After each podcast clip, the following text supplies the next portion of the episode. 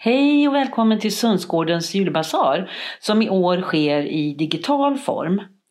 Årets insamlade medel går oavkortat till kvinnojouren i Helsingborg och deras viktiga arbete. Lyssna nu och njut av en betraktelse från dagens julpoddsvärld och så swishar du valfritt belopp eller sätter in på Sundsgårdens bankgirokonto för att stötta kvinnojourens verksamhet. Tack för ditt bidrag, litet som stort.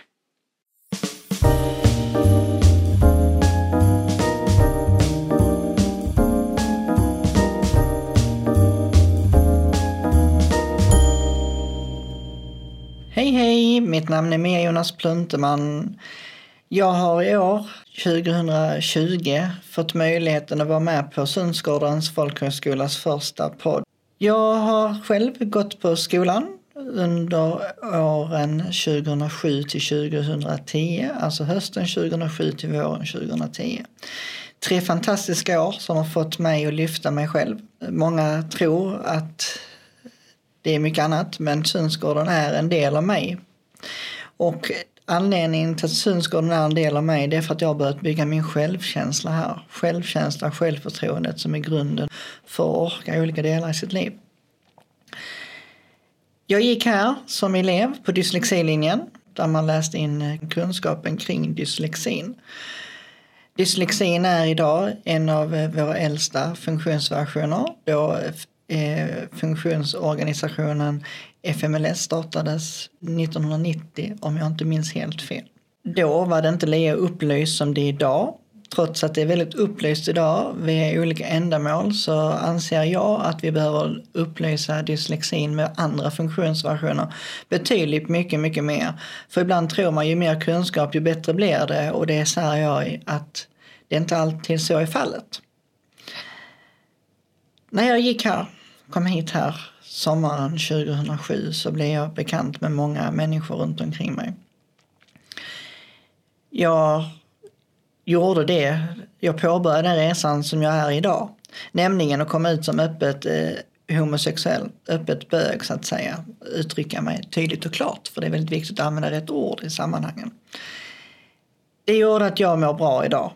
Det var en resa som hette duga. Eh, ungefär eh, 11 år senare klev jag ut som öppet transperson, ska bli shemale.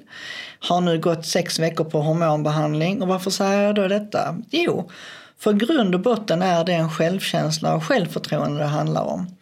Och hade det inte varit för Sundsgårdens betydelse för mig, som jag återkommer till många gånger, så hade jag inte haft den självkänslan, den tryggheten och inspiration att göra den livsresan jag gör. Skolgången för mig har varit som en liten taggtråd väldigt jobbigt vissa gånger och väldigt enk lite enklare och underlättande då. Där har också folkhögskolan en väldig betydelse för man kan möta eleven på ett annat sätt jämfört med många andra skolformer, vilket är jätteviktigt. Folkhögskolan i, generellt kan möta en väldigt mycket när det gäller mångfald. Bygger oftast självförtroendet och självkänslan hos, hos medmänniskorna som går där. Och det är en väldigt stor mångfald. Och mångfald är väldigt viktigt för att, eh, för att utvecklas. Ehm, det är också viktigt att tänka på det så här i den mest stressade perioden på året, december månad. Att luta sig tillbaka, andas, framförallt i den tuffa året vi har i år, 2020. Att verkligen reflektera och landa i sig själv. För svaren finns inom dig oftast.